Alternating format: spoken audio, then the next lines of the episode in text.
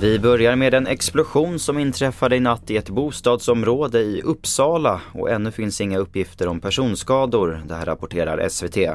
På plats kunde polisen konstatera att det skett en kraftig explosion utomhus och att en fastighet fått skador av detonationen. Så till att en kvinna i 60-årsåldern har hittats svårt skadad efter en villabrand i Vänersborg nu på morgonen.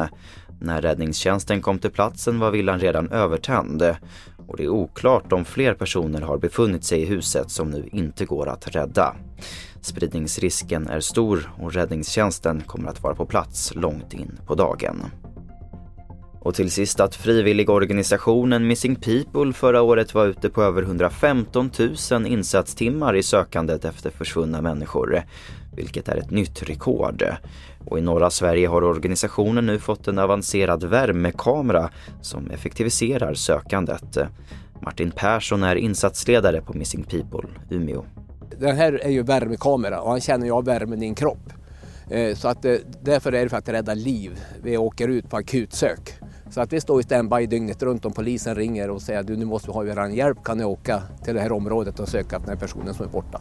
Och då får vi oftast sökområden av polisen på plats. Och det får sätta punkt för TV4-nyheterna. Jag heter Albert Hjalmers.